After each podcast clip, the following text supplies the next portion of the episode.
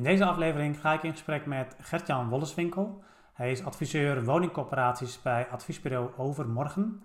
Overmorgen is een adviesbureau voor de duurzame leefomgeving. En we hebben het in het gesprek dan ook over de verduurzamingsopgave voor corporaties. En hoe je als corporatie die verduurzamingsopgave kunt koppelen aan je vastgoedstrategie. En dan zowel op het portefeuilleniveau als op complex niveau.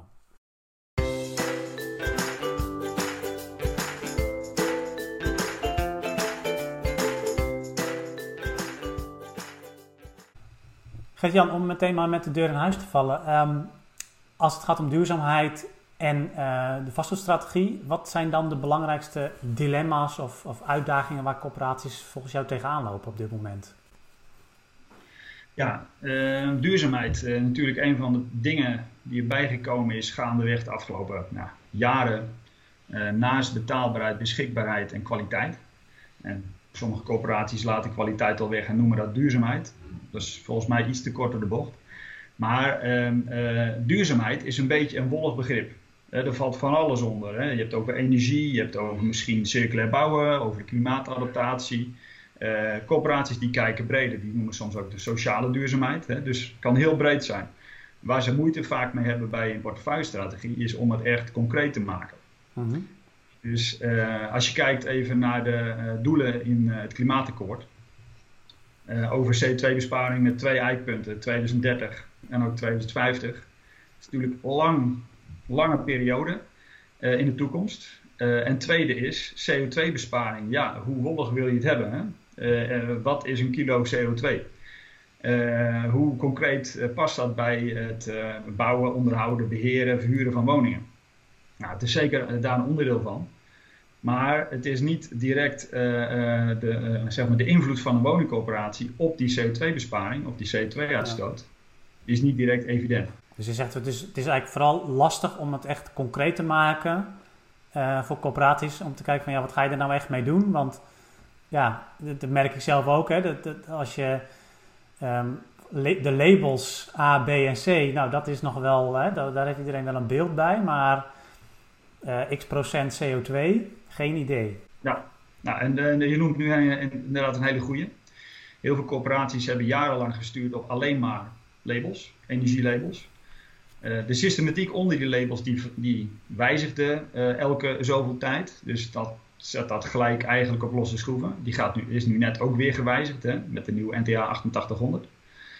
Um, uh, en eigenlijk de bottomline is, heel veel corporaties komen er ook achter en daar komen ze nu ook achter. Nu ze in heel veel um, um, ja, trajecten met gemeenten zitten over de transitievisie warmte. En ook de rest. Dat het gaat eigenlijk niet om labels scoren, maar je moet naar het brede systeem kijken. En het gaat om CO2-besparing. Uh, en, en, ja, het, het duurzaam omgaan met materialen.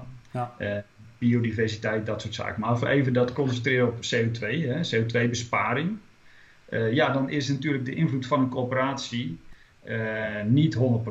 Want een deel van die CO2-uitstoot zit in de energiemix van het elektriciteitsnetwerk. ook als je geen warmtenet om de hoek hebt liggen, waar je direct op aan kan sluiten, hoe wil je dan een, een, duurzame warmtebron aansluiten? Nou, dan kun je denken natuurlijk aan een warmtepomp, maar dan zit je weer met de energiemix van het elektriciteitsnetwerk. Dus het is slechts deels te beïnvloeden door een woningcoöperatie. Ja, dus eigenlijk, eigenlijk noem je twee ja, dilemma's of uitdagingen. Het eerste is dat het heel lastig is om het concreet te maken. Het tweede is ook dat, ja, überhaupt, uh, al zou je het concreet maken, dan nog ga je er niet volledig over als coöperatie. Klopt helemaal, ja. Ja. ja, en dat maakt het lastig voor woningcorporaties om het uh, in hun portefeuillestrategie te stoppen. Want een portefeuillestrategie hè, is de strategische stap van vastgoedsturing. Dat is eigenlijk, zo noemen we dat, uh, tenminste zo noem ik dat, de binnenwereld van een corporatie. Hè. Daar moet je eigenlijk maximale invloed op uit kunnen oefenen. Uh, je hebt eigenlijk twee kanten. De opgave die door de maatschappij wordt bepaald. En daar is duurzaamheid zeker één van. Ja. En, en wat, hè, dat is dus waar de corporatie ten dele invloed op heeft ook. Maar een deel wordt ook gewoon gedicteerd. En het tweede is de binnenwereld, dat is vastgoedsturing, is dat wat ga je eraan doen?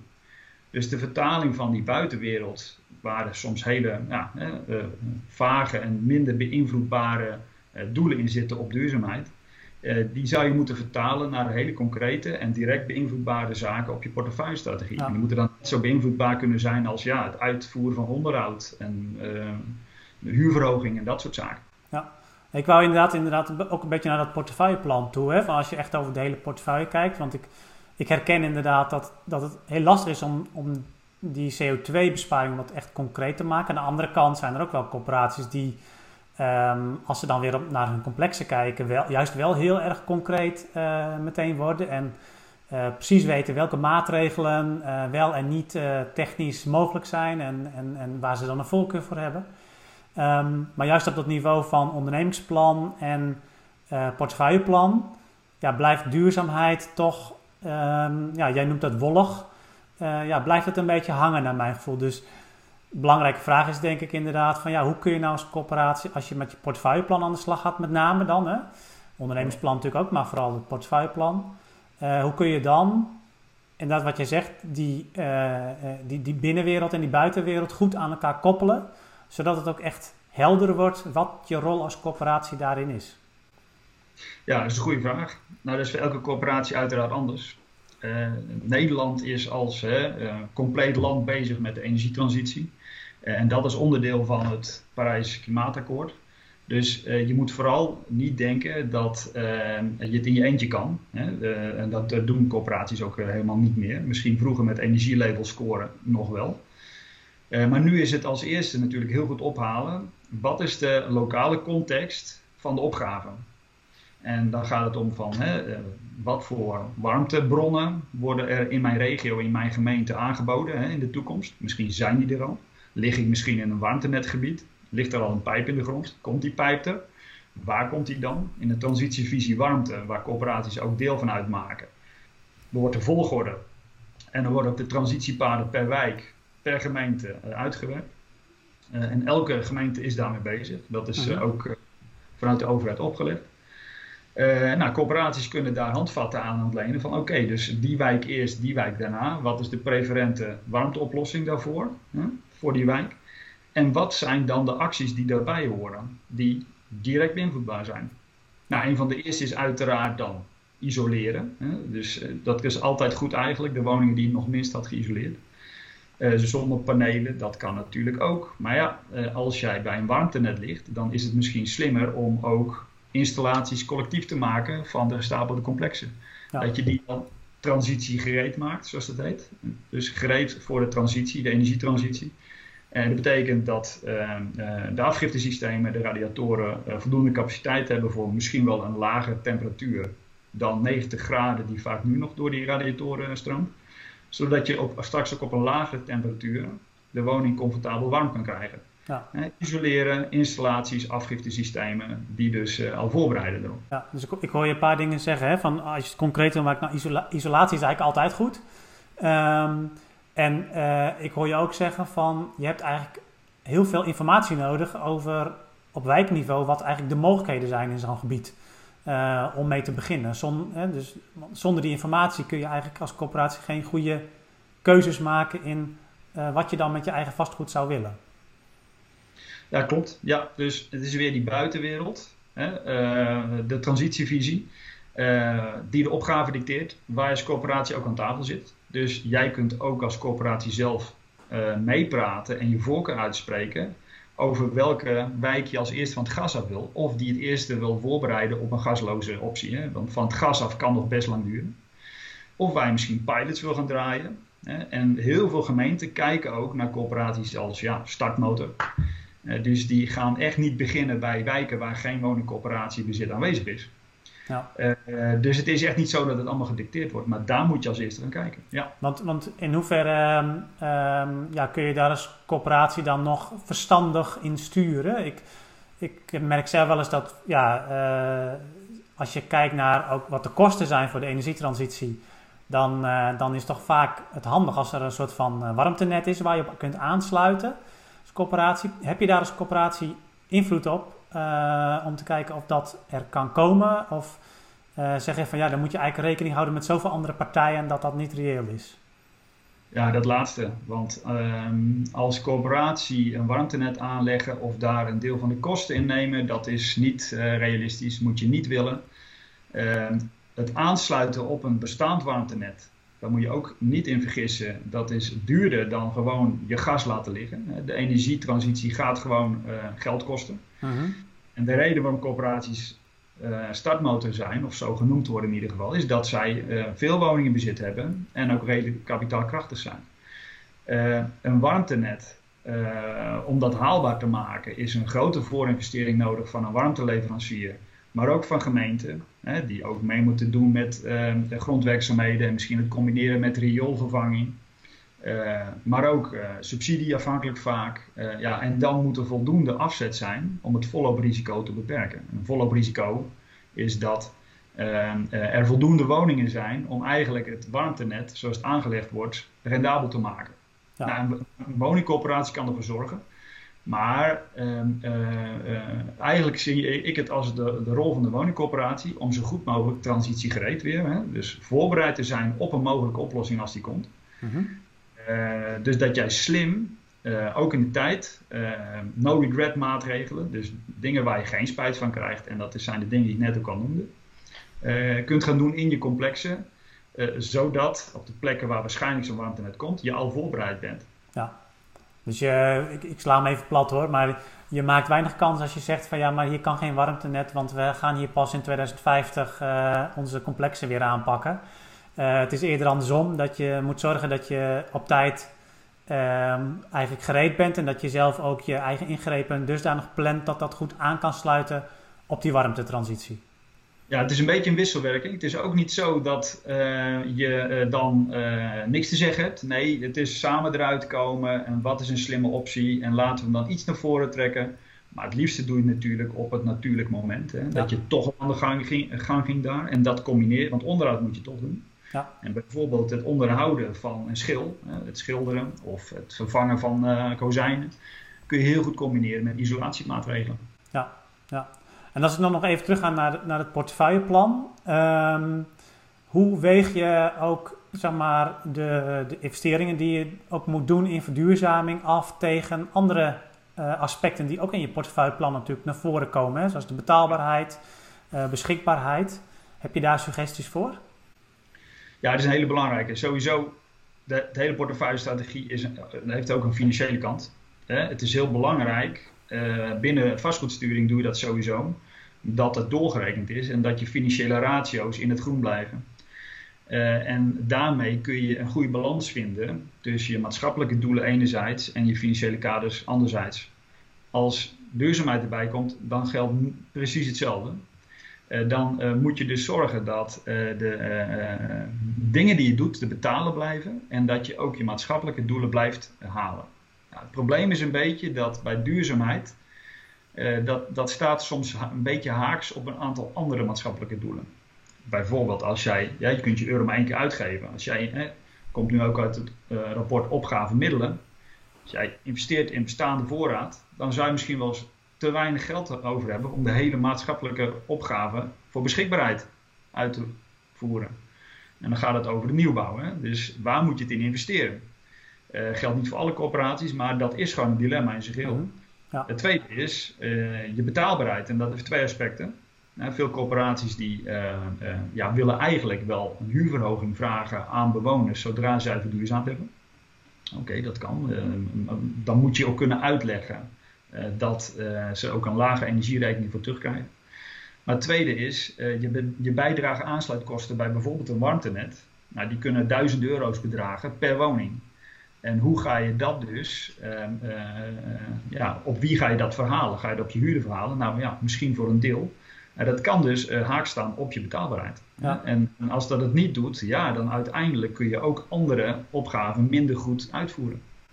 En maar des te belangrijker dus dat corporaties ook zorgen dat ze aan tafel zitten en dat ze ook meepraten over wanneer wat en in welk tempo en op welke manier uh, die energietransitie vormgeven helemaal waar. Het is een hele lastige puzzel en je moet het met elkaar doen. Ja, en je moet inderdaad met elkaar aan tafel zitten. Dat zeg ik goed.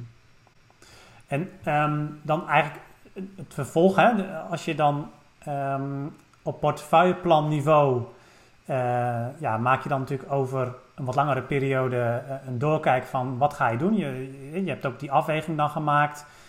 tussen betaalbaarheid, verduurzaming, andere kwaliteitsaspecten, beschikbaarheid. Um, hoe, ja, welke aandachtspunten zie jij dan voor coöperaties volgens bij het uitwerken van de maatregelen echt op het niveau van de complexen? Want ehm, ik, zie aan de ene kant dat coöperaties daar al wel veel concreter mee bezig zijn. Uh, maar aan de andere kant dat het ook nog niet altijd, uh, ja, dat is nog niet altijd helemaal ingebed in een portefeuilleplan wat eigenlijk over de hele voorraad gaat. Maar op het moment dat je dat portefeuilleplan wel hebt, ja, wat zijn dan nog de aanvullende punten waar je echt op moet letten als je dan op complex niveau aan de slag gaat? Ja, nou, het portefeuilleplan is een plan voor de hele portefeuille met lange termijn maatregelen. Soms geeft het ook op wijken, die wijken wel, die wijken niet. Hè? Dus, en dat allemaal financieel globaal doorgerekend.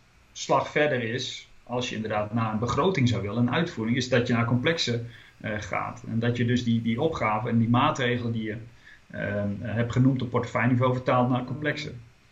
Nou, complexen, Ehm, eh, daar zijn heel veel data over beschikbaar. Sowieso in je hele uh, share database. Hè, dat, is, uh, dat is de database met alle energetische prestaties van je woningen.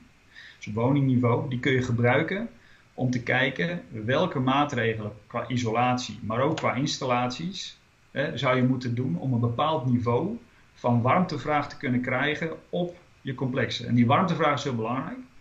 Uh, want uh, heel vaak uh, gaat de, de, energietransitie naar een middentemperatuur warmteoplossing. En middentemperatuur betekent dat, wat ik eerder al zei, geen water van 90 graden meer door de radiatoren loopt, maar maximaal 70 graden. en dat is omdat dat een veel energie-efficiëntere manier is voor heel veel nieuwe bronnen. bijvoorbeeld de warmtenet. Minder warmteverlies in transport en dat soort zaken. Um, en hoe doe je dat? Ja, weer die combinatie van isolatie en afgiftesystemen en installaties. De installatie in een gebouw kan zijn dat je daar een hybride warmtepomp in doet of zo, of, of dat je de hele warmteinstallatie collectief maakt.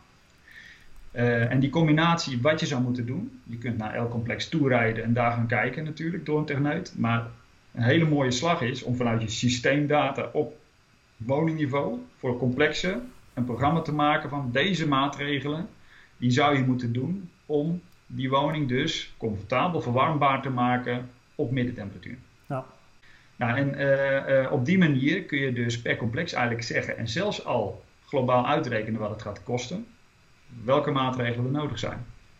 Ik hoor jou eigenlijk ook pleiten voor uh, maatwerk, hè? want ik, ik heb zelf nog wel eens met corporaties praat dat er vaak een hele sterke voorkeur is, zeker bij de, bij de technische mensen voor een bepaalde oplossing. En die kan bij elke coöperatie weer anders zijn. Ehm, maar ik hoor je eigenlijk zeggen van ja, je moet echt heel goed kijken naar de specifieke woning en echt gewoon gaan uitrekenen van tevoren wat je doet, wat het voor resultaat heeft en eh, ook wat de kosten daar dan van zijn. Ja, ja uh, jij benoemt nu ook iets. Ehm, eh, tenminste, zo interpreteer ik jouw opmerking. En dat is, je moet het op een ehm, eenduidige manier doen. Dus alle complexen op een eenduidige manier beoordelen vanuit de systeemdata voordat je echt aan de slag gaat. Wat techneuten nog wel eens de neiging hebben, is om als ze een complex aan moeten pakken, dat eigenlijk wel redelijk hè, verwarmbaar is op 70 graden, dat ze die toch aanpakken, want het kan nog net ietsje beter. Nou, dat is een niet doelmatig uitgegeven investering. Uh, je zou die gewoon zo moeten laten, maar je euro's uit moeten geven aan die complexen die het slechtste zijn, die er nog onder zitten. En dat kun je allemaal uit de share database halen met RC-waarden en U-waarden, waarbij je bepaalde interventiewaarden bepaalt. Hè. Dus onder die interventiewaarde ga je ingrijpen. Zit die er net boven, dan laat je het zo, want dan is die in principe gewoon voldoende. Dus eh, zo kun je met je schaarse middelen heel efficiënt omgaan. Ja, dus je kunt beter van slechte complexen uh, goede complexen maken dan van goede complexen uitstekende complexen. Uh, Helemaal correct. Ja, ja helder. Ehm, nou, ehm, is dat natuurlijk ja, voor veel corporaties toch nog steeds een zoektocht, hè? Die, ehm, die, die, die combinatie eigenlijk van aan de ene kant de verduurzaming wat echt als een vraag ook specifiek aan de corporaties wordt gesteld uh, vanuit het Rijk, maar ook steeds meer vanuit de maatschappij als geheel. Um, en aan de andere kant uh, je vastgoedsturing, waarbij je ook kijkt naar betaalbaarheid, naar beschikbaarheid. Uh, jullie hebben daar ook een model voor ontwikkeld, hè, hoe je dat kan, kan koppelen aan elkaar. Um, Kun je nog iets meer daarover zeggen en, en misschien ook waar mensen daar meer informatie over kunnen vinden? ja, dus het zeven stappenmodel transitie gereed staat op onze site. Ehm, we kunnen het ook even aangeven, denk ik, in de, in de video straks. ja, ik zal maar... zeggen dat hieronder even een linkje daar naartoe komt. Ja. Voor de mensen die dat interessant vinden. Ja, uh, en uh, wat wij doen is, en dat hebben wij echt uit uh, onze adviespraktijk opgemaakt, dat hele model. Hè, dus die zeven stappen die zijn redelijk universeel, die hebben we ook al getoetst. en elke drie van de lagen, hè, dus strategisch, hè, portefeuille strategisch, um, asset management en property management, zijn bepaalde dingen die je zou moeten doen, naast natuurlijk alles wat je al deed aan vastgoedsturing, om die duurzaamheid in je vastgoedsturing in te bedden. En dan gaat het om het formuleren van doelen, gaat het om het verwerken van die doelen in je portefeuillestrategie, het vertalen naar complexen, het plannen daarvan in de tijd, het weer uh, toetsen aan je portefeuillestrategie en je miljardenbegroting, het, het voorbereiden van de uitvoering en de uitvoering zelf. Nou, dan heb ik ze allemaal alles even genoemd. Ja. Het gaat helemaal ja, door al die lagen heen. Uh, en dan begin je weer bij stap 1, want was het wel helemaal goed. Hè? Dus het is eigenlijk ook een een cyclisch model uh, in die zin. Ja, ja, ja. ja, mooi. En, ja, dankjewel dat je dat uh, ook, uh, ook, ook wilde delen. Dat jullie dat model ook hebben ontwikkeld. Want ik denk dat inderdaad ja, nog steeds wel co corporaties die ik ook zie, de, toch lastig is om echt op portefeuille niveau echt die afweging goed te maken tussen, tussen al die verschillende maatschappelijke doelen waar je als corporatie aan kunt werken. Nou, dat ja, laat opgave en middelen natuurlijk ook wel zien dat dat ook alleen al financieel heel lastig is. Maar ehm, nou ja, ehm, zelfs als je dat wel kan doen, dan nog uh, moet je natuurlijk kijken van hoe sluit het allemaal op elkaar aan. Um, nou, voor mensen die daar dus meer over willen weten, die kunnen dus uh, via de link onder deze video of in het artikel daar meer informatie over het 7 stappen model vinden. Gert-Jan, ik, ik dank jou heel hartelijk voor, voor jouw bijdrage. Graag gedaan. Bedankt voor het luisteren naar deze podcast. Wil je nieuwe afleveringen ontvangen? Abonneer je dan op deze podcast. En kijk ook eens op onze website corporatiestratege.nl voor meer praktische tips en downloads die jouw werk als corporatiestratege makkelijker maken.